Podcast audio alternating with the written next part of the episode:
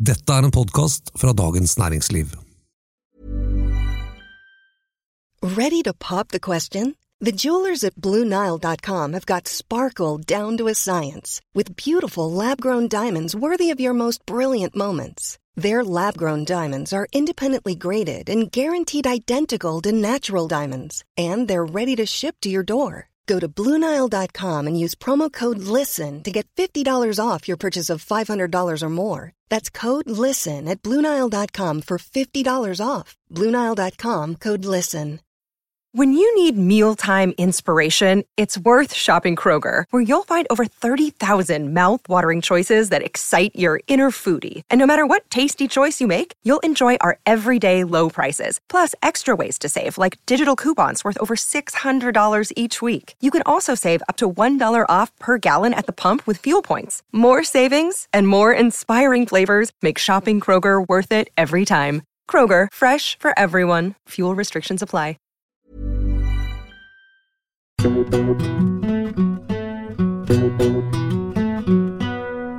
you.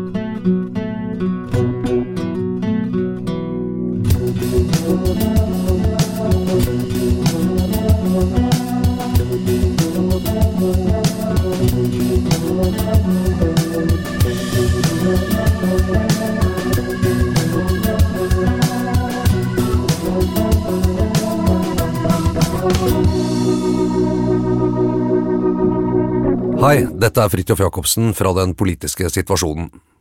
Vi har feriesommer, men mens vi har ferie, så ønsker vi å gi deg de beste historiene fra Dagens Næringsliv. Vi håper du liker det. God lytting og god sommer.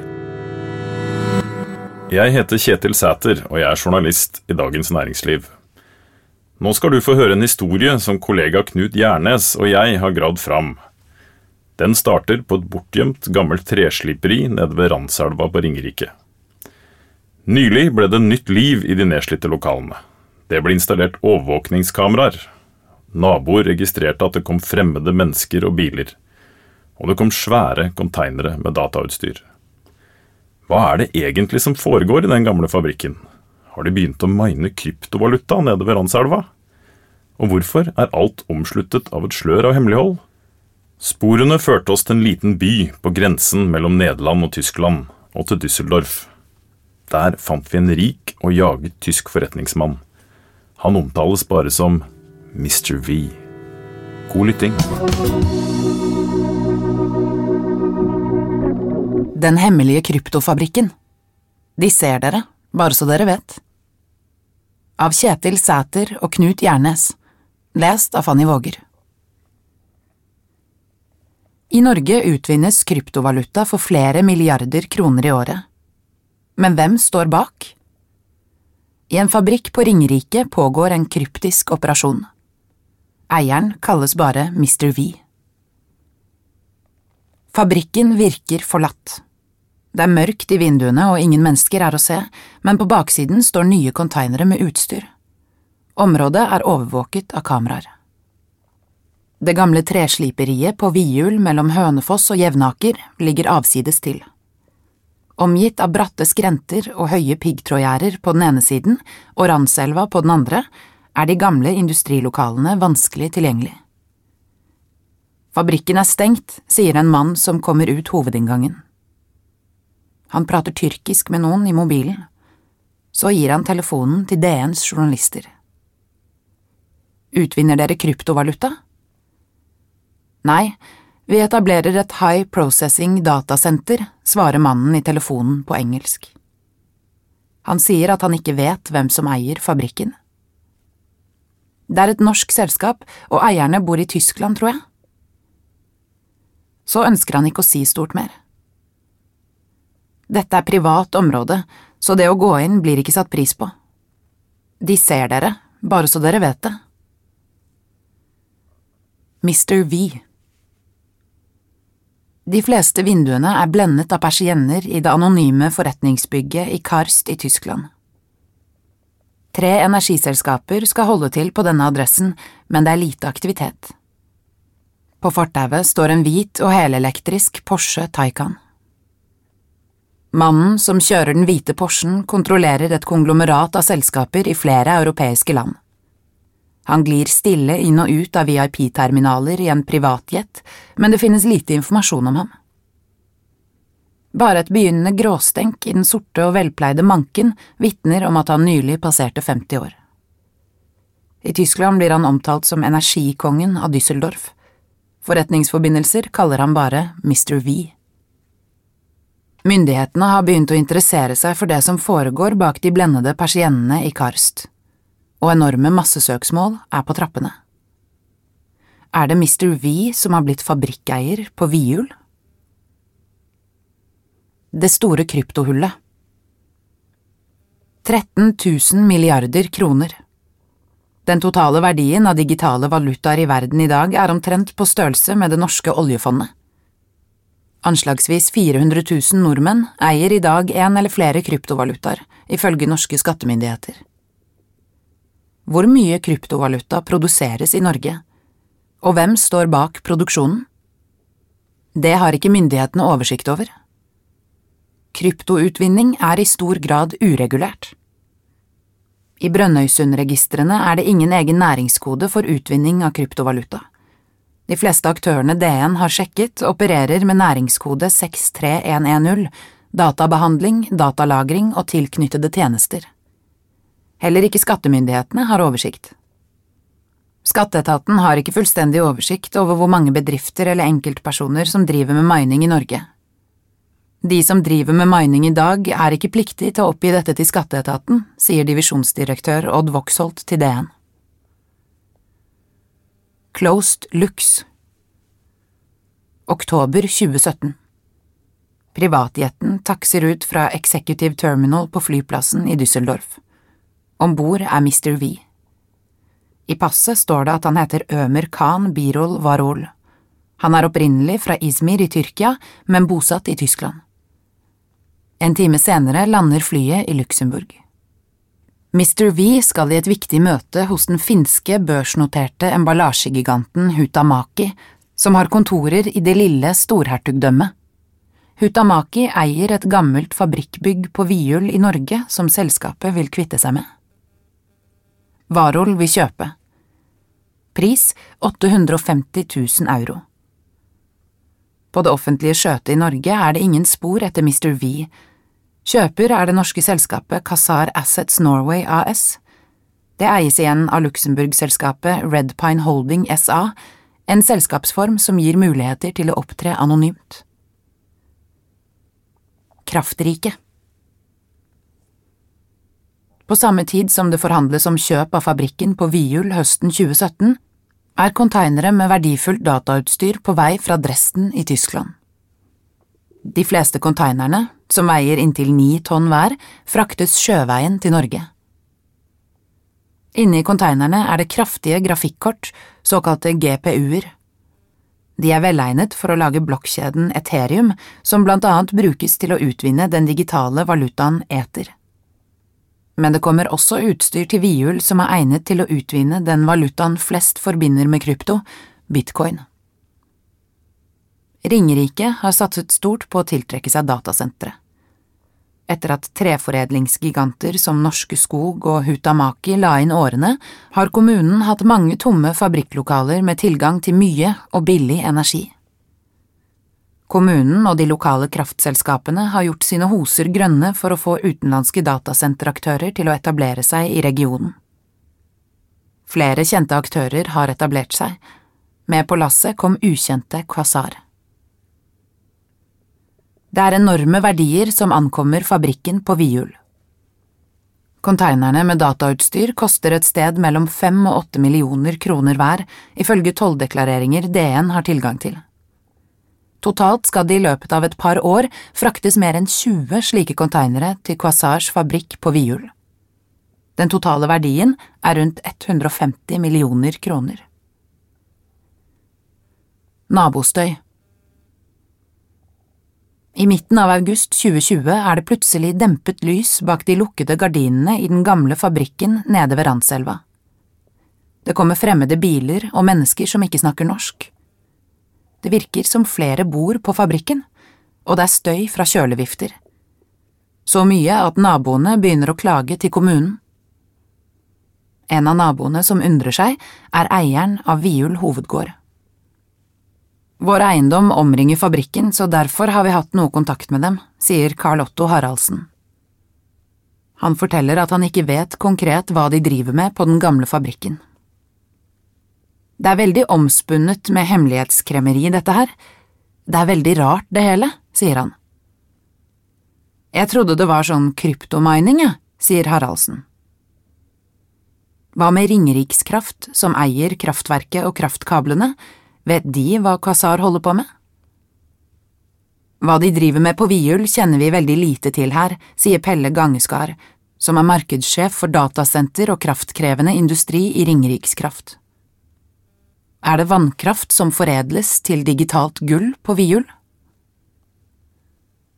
Flyvertinnen De som jobber for Kasar er ansatt i mitt selskap, så alt er på stell.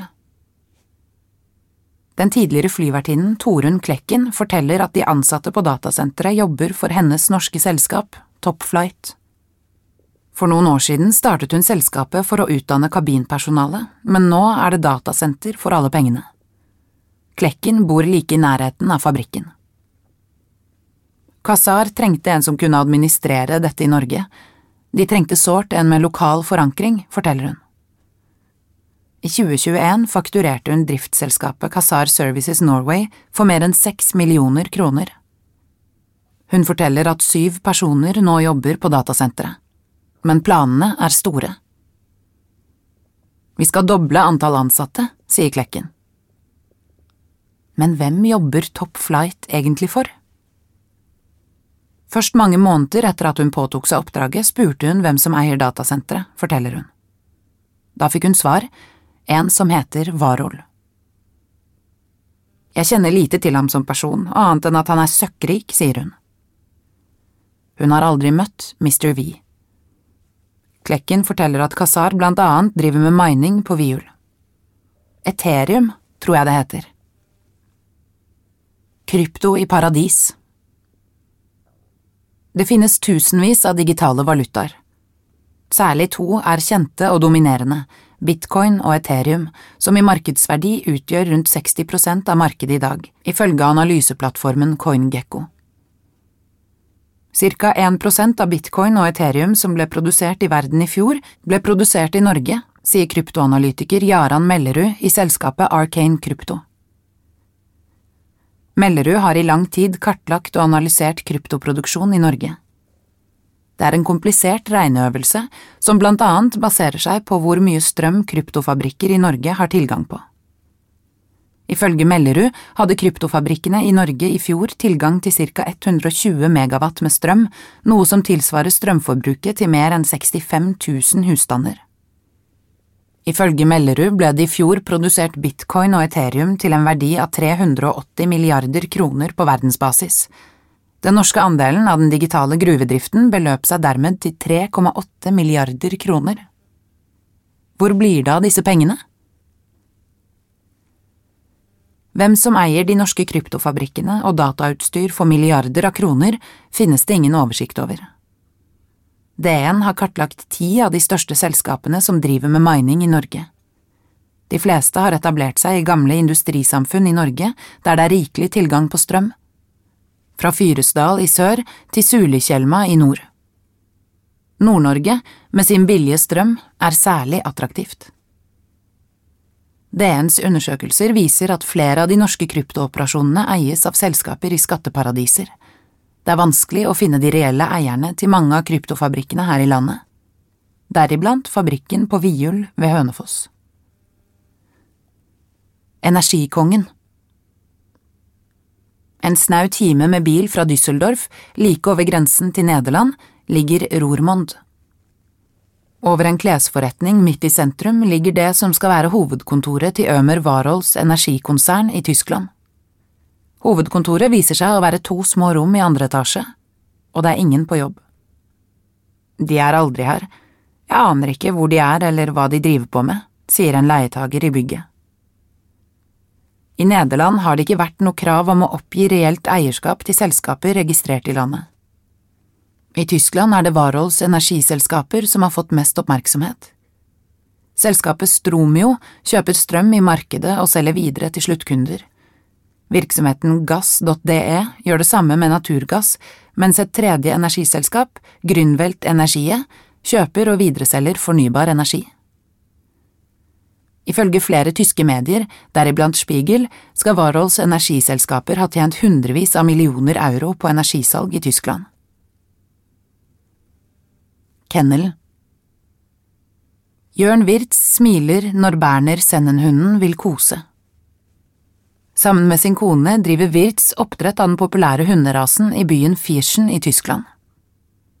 Det er en energikrevende virksomhet, og ekteparet Wirtz går stadig på internett for å finne den billigste strømleverandøren. For noen år siden valgte de Warhols selskap Stromio. Fastprisavtalen med Stromio fungerte bra lenge, forteller Jørn Wirtz. Men i fjor var det plutselig stopp. To dager før julaften fikk ekteparet Wirtz og titusenvis av andre strømkunder et brev fra strømselskapet.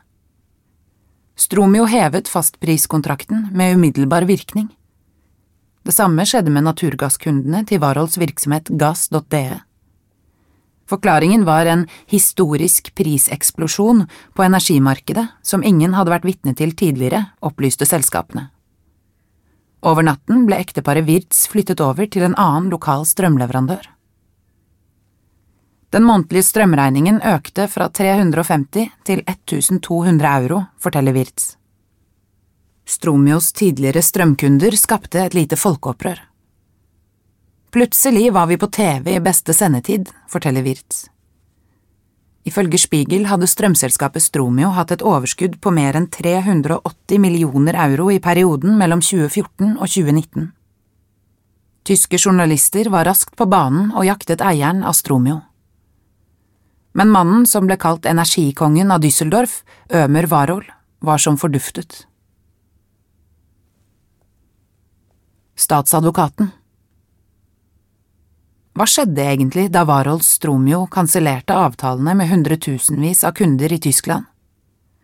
Hadde Stromio i stedet for å levere strøm til kundene sine, solgt den samme strømmen til vesentlig høyere pris til høystbydende? Det spørsmålet ble stilt da Stromio-skandalen i vinter ble behørig omtalt i tyske medier. Stromio-skandalen er blitt undersøkt av det tyske Bundesnetzagentur, som fører tilsyn med strøm- og gassmarkedet i Tyskland. Det er oppsigelsen av kontraktene med strømkunder og hvorvidt Stromio har solgt resteenergi på markedet som blir undersøkt, skriver en talsperson til DN. Saken er oversendt påtalemyndigheten. Statsadvokatembetet i Düsseldorf har mottatt en anmeldelse i forbindelse med oppsigelser fra gass- og strømleverandører. Mistanken undersøkes nå, det vil si om det er tilstrekkelige faktiske indikasjoner på et mulig straffbart forhold. Full straffeetterforskning er foreløpig ikke igangsatt, skriver statsadvokat Laura Holman til DN. Hva sier Mr. V? Jakten på Mr. V Leiebilen snirkler seg sakte mellom de nye forretningsbyggene utenfor Monheim am Rhein. Det er hit, en halvtimes kjøretur fra Düsseldorf, Mr. V offisielt har flyttet forretningene sine etter at det begynte å storme rundt virksomheten hans i Tyskland. Men den hvite Porschen Mr. V disponerer, er ikke å se noe sted. Warhol har tilsynelatende ingen tilstedeværelse på sosiale medier, ingen kjente telefonnumre og ingen kjente e-postadresser. Folk som kjenner ham, sier at han alltid er på farten, sjelden lenge på samme sted. Han har ikke vanlig kontortid, men veksler mellom den hvite Porschen og den slanke businessjeten. Forretningsimperiet styres fra en iPad i bilen, ifølge en forretningsforbindelse. De tyske mediene Spiegel og Handelsblatt har ikke funnet ham. Dere kommer aldri til å få tak i Mr. V, sier en som kjenner til ham. Innerst i en blindvei i det kostbare villastrøket Lohausen ligger et hvitt inngjerdet hus med to garasjer. Og et stort antall overvåkningskameraer. Det er her Mr. V bor, ifølge DNs undersøkelser. Vanligvis står det en hvit Porsche parkert her, men ikke i dag. DN avleverer en konvolutt med spørsmål. Samme kveld ringer telefonen.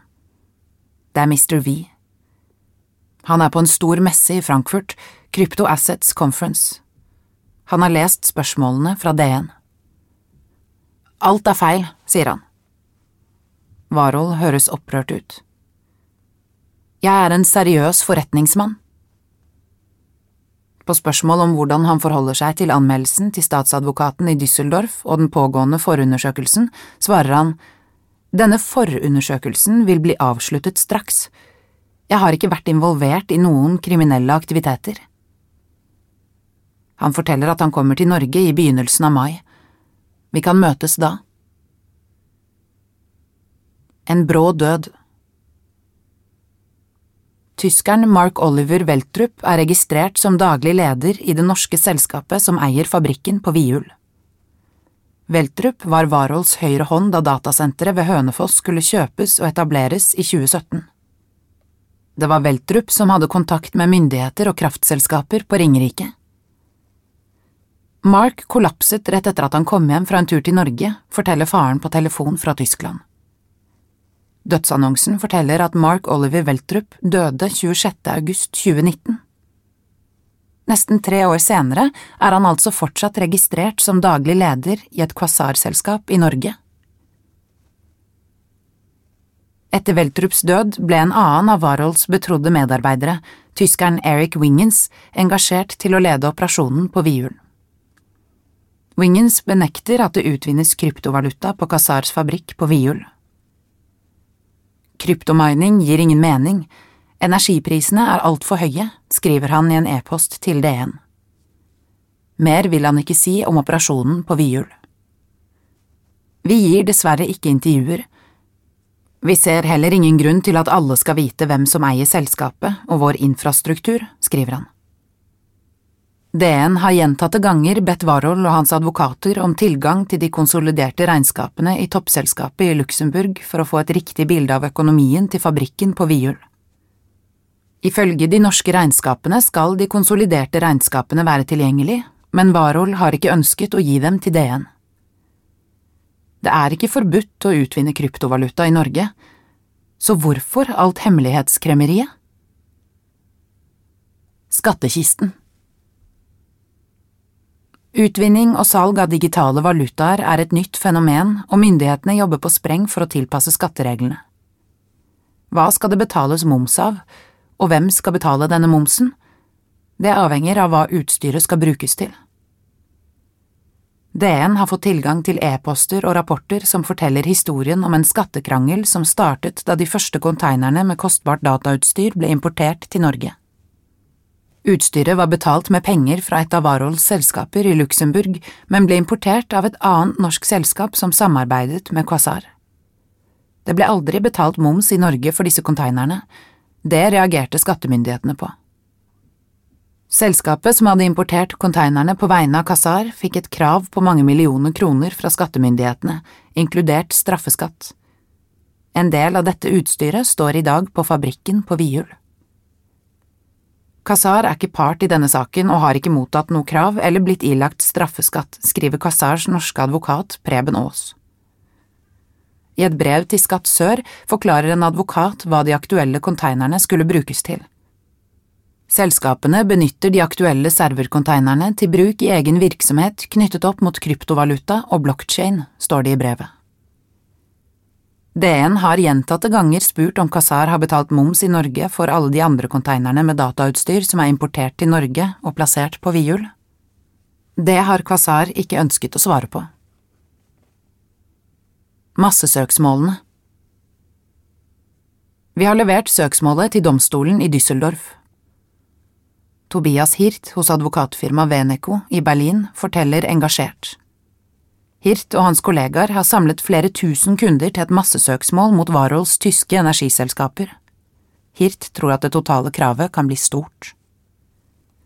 Et sted mellom 100 og 150 millioner euro, tenker jeg, sier han. Denne saken er en vinner, det eneste vi er redd for er at selskapene går konkurs. Øme Warhols tyske advokat, Jørn Klassen, ønsker ikke å kommentere søksmålet. Berettigede krav vil selvfølgelig bli gjort opp, Derfor anbefaler vi at slike krav blir sendt direkte til våre klienter, ikke via kostbare rettssaker, skriver han. Kostbare rettssaker kan det imidlertid bli vanskelig å unngå. Tidligere i år meldte et advokatfirma i Düsseldorf at de har kjøpt kravene fra tusenvis av Warhols energikunder med tanke på å forfølge Stromio, Gass.de og Grünwelt Energie i retten. Og nylig bekreftet et forbrukerrådgivningssenter i delstaten Hessen at et annet massesøksmål på vegne av tidligere energikunder er levert til en domstol i byen Ham. Men er det penger noe sted? I Tyskland er det bare driftsselskaper. I Norge er det store verdier, men de eies av andre selskaper. Watt på vihjul Fem megawatt, eller fem millioner watt. Så mye strøm er tilgjengelig på fabrikken på Vihul. Og sånn har det vært siden 15. august 2020, ifølge Ringerikskraft. Det er nok energi til å produsere store mengder digitalt gull. Men hvor mye?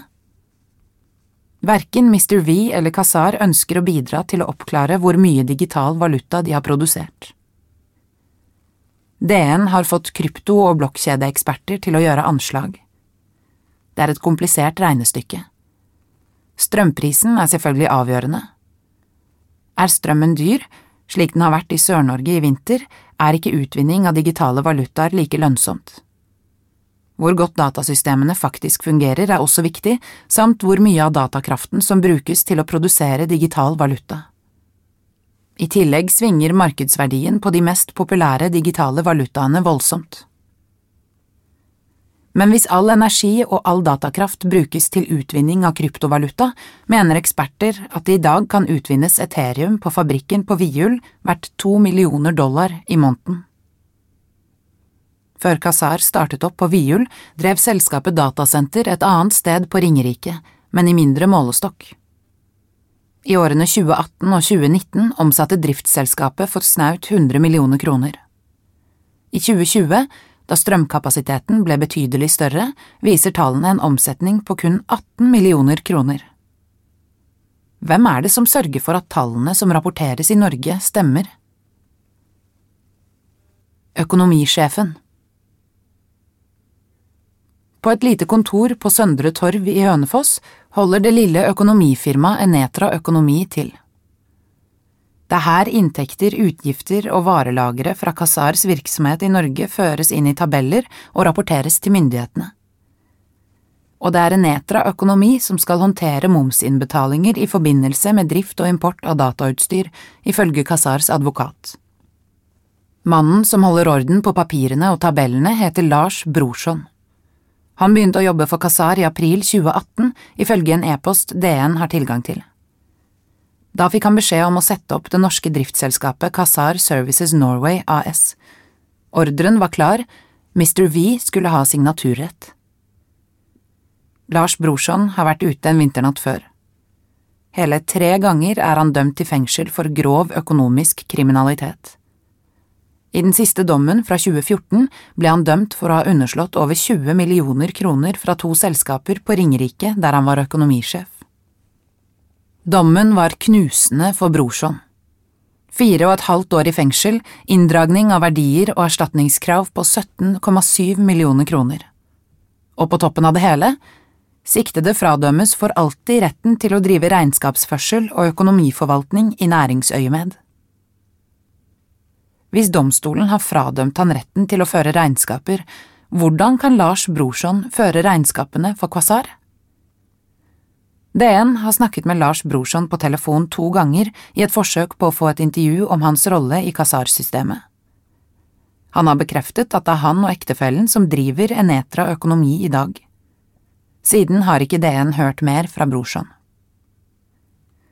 Daglig leder i Enetra økonomi heter Otto Olsen. Olsen bekrefter at det er Lars Brorson som fører regnskapene for Qasar. Kan han det? Det er jeg som autorisert regnskapsfører som er den ansvarlige. Brorson er fradømt retten til å drive regnskapsførsel og økonomiforvaltning for all tid. Ja vel. Noen dager etter denne samtalen ringer Olsen tilbake til DN. Han sier da at han ikke var kjent med at Brorson var fradømt retten til å drive med regnskapsførsel og økonomiforvaltning. Han forteller at Brorson inntil videre er suspendert fra sin stilling i selskapet som fører Kassars regnskaper. Banken i Luxembourg Ta disse. Personen som møter DN i en by sentralt i Europa, overrekker et papir. Kanskje de kan være til hjelp? Innholdet i dokumentet peker mot det lille fyrstedømmet i Luxembourg. Ømer Warhol har selskaper i mange land, men det lille skatteparadiset sentralt i Europa fremstår i dag som et nav i hans forretningsimperium. Det er også der den norske virksomheten på Viul eies og drives fra. Og ikke minst, det er i en ærverdig bank i skatteparadiset at han har store deler av pengene sine. Dokumentasjonen viser at et av toppselskapene til Warhol har et enormt beløp stående på en konto i Luxembourgbanken Bank International av Luxembourg. Nylig sto det 35,8 millioner euro på kontoen. Fake news 22. april i år tikker det inn en ny melding fra Ømer Warhol på WhatsApp. Det har vært stille fra ham lenge, men nå nærmer det seg tidspunktet da Warhol har sagt at han kan møte DN i Norge. Kjære Knut, beklager at jeg svarer deg sent, jeg er veldig travel. Kan du gi meg en ny tidsfrist? Tiden går så fort. Ting utvikler seg positivt for meg og mitt selskap. Vær vennlig og ikke la deg påvirke av fake news fra Spiegel etc. Han skriver videre at turen til Norge er utsatt, men at advokatene hans i Norge og Tyskland vil svare på DNs spørsmål. Og nå kommer de første bekreftelsene på at Kazar har minet kryptovaluta i Norge. I starten drev Kazar med noe mining, for det meste Ethereum. På grunn av høye energikostnader har ikke det vært en profitabel forretning på en stund, skriver Kazars norske advokat Preben Aas i DLA Piper til DN. På spørsmål om hvor mye kryptovaluta som er produsert på Viul, og hvor mye Qasar eventuelt har tjent på salg av slik valuta, svarer Aas det er det ikke mulig å kommentere. Qasar er fortsatt i en investeringsperiode. Warholls tyske advokat, Jørn Klassen, har besvart DNs spørsmål om politianmeldelsen av Warholls energiselskaper i Tyskland. Han skriver at Warhols selskaper beklager dypt og inderlig at de kansellerte avtalene med hundretusenvis av tyske kunder. Han henviser igjen til det han omtaler som en priseksplosjon på energimarkedene uten sidestykke. Ifølge Clasen har Warhol og hans selskaper ikke gjort noe kriminelt. Det finnes ikke det minste bevis som kan føre til siktelser for våre klienter. Clasen ønsker ikke å kommentere massesøksmålene i Tyskland. Verken advokat Preben Aas i Norge eller advokat Jørn Clasen i Tyskland vil bekrefte at det er Ømer Warhol som er den reelle eieren av Luxembourg-selskapene som eier og drifter fabrikken og datautstyret på Viul. Vi er ikke i posisjon til å svare på dette spørsmålet, skriver Aas. DN har fått tilgang til informasjon fra eierskapsregisteret i Luxembourg. Der står det svart på hvitt, de to aktuelle Luxembourg-selskapene, Red Pine Holding SA og United Brands and Marketing International SARL, UBMI, eies av Ømer Khan Birol Warhol. Låneavtaler I tillegg til dialogen med Warhols advokater har DN hatt en lang og parallell dialog med Warhol på WhatsApp. På spørsmål om hvordan han har finansiert virksomheten i Norge, svarer han fra utbytte utbetalt i 2017 og 2018. Warhol er opptatt av å påpeke at energivirksomheten i Tyskland ikke har noe med virksomheten i Norge å gjøre. De opererer helt uavhengig av hverandre og kontrolleres av ulike selskaper. Men på spørsmål om hvor utbyttet som finansierte kjøpet av fabrikken på Viul stammer fra, bekrefter han at det er fra holdingselskapet i Nederland som eier Stromio og de andre energiselskapene i Tyskland. De samme selskapene som det nå stormer rundt. På spørsmål om hvordan det er mulig at utbytte fra et konsern havner i et annet konsern, svarer han jeg kan ikke gjøre jobben for deg. Så kort tid etter, via låneavtaler. Det er vanlig praksis internasjonalt. Alt er rapportert på korrekt måte, og skatt er betalt. I slutten av april i år sluttet Ømer Warhol å svare på DNs spørsmål på WhatsApp. Khazars norske advokat, Preben Aas, fikk også problemer med dialogen med sine tyske klienter. Vil bare opplyse at dere ikke er glemt, avventer fortsatt svar på noe fakta. Og så, en uke senere, har purret på Tyskland flere ganger, og jeg har også anbefalt at DNs spørsmål bør besvares. Dog synes det som om deres tyske rådgiver på området er av en annen oppfatning, derfor mottar jeg ikke svar. Tirsdag denne uken. En tredje advokat, tyskeren Lukas Brost, tar kontakt med DN. Han påstår at det er et annet Luxembourg-selskap eid av Warhol som har produsert kryptovaluta på vihjul. Angående mining i Norge? UBMI eier konteinerne med datautstyr og er selskapet som har minet, skriver han. DNs spørsmål om hvor mye kryptovaluta Ømer Warhols selskaper har produsert i Norge, hvor mye selskapene har tjent på kryptovaluta, og om det er betalt importmoms på alt datautstyret i Norge, står fortsatt ubesvart. Jeg heter Ola Jorheim Halvorsen og er journalist i Dagens Næringsliv. Neste uke skal du få høre historien om da jeg rett og slett bare ville stikke av. Det var lørdag, tidlig vår, krig i Europa, og den norske regjeringen hadde nettopp lansert en slags katastrofepush-varsel til befolkninga. De dårlige nyhetene hadde kommet på løpende bånd. Det var naturkrise, klimakrise, energikrise, matkrise, vannkrise, inflasjonskrise, transportkrise og flyktningkrise. Tiden er i ferd med å renne ut, sa FNs klimapanel. Ikke en verden jeg vil leve i, sa Nato-sjefen. Så jeg sendte en melding til sjefen min om at jeg hadde lyst til å stikke av, rett og slett. Stikke av på en reise etter et slags håp. To dager senere satt fotograf Sigurd Fandango og jeg på et fly til Skottland. Likte du det du hørte? Vi har veldig lyst til å høre hva du syns om denne episoden, og kanskje har du også tips til andre saker vi kan skrive om i Dagens Næringsliv. Send oss gjerne en mail på tips krøllalfa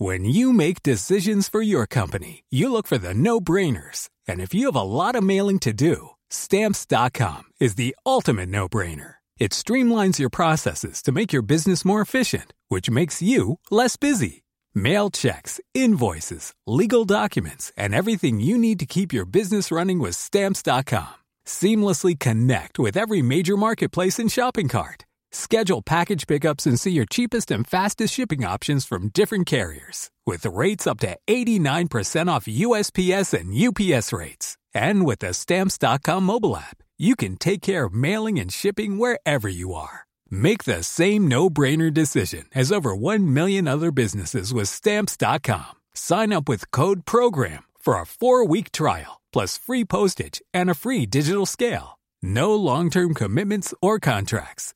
That's Stamps.com. Code PROGRAM. When you need mealtime inspiration, it's worth shopping Kroger, where you'll find over 30,000 mouthwatering choices that excite your inner foodie. And no matter what tasty choice you make, you'll enjoy our everyday low prices, plus extra ways to save, like digital coupons worth over $600 each week. You can also save up to $1 off per gallon at the pump with fuel points. More savings and more inspiring flavors make shopping Kroger worth it every time. Kroger, fresh for everyone. Fuel restrictions apply. Du har nå hørt en podkast fra Dagens Næringsliv.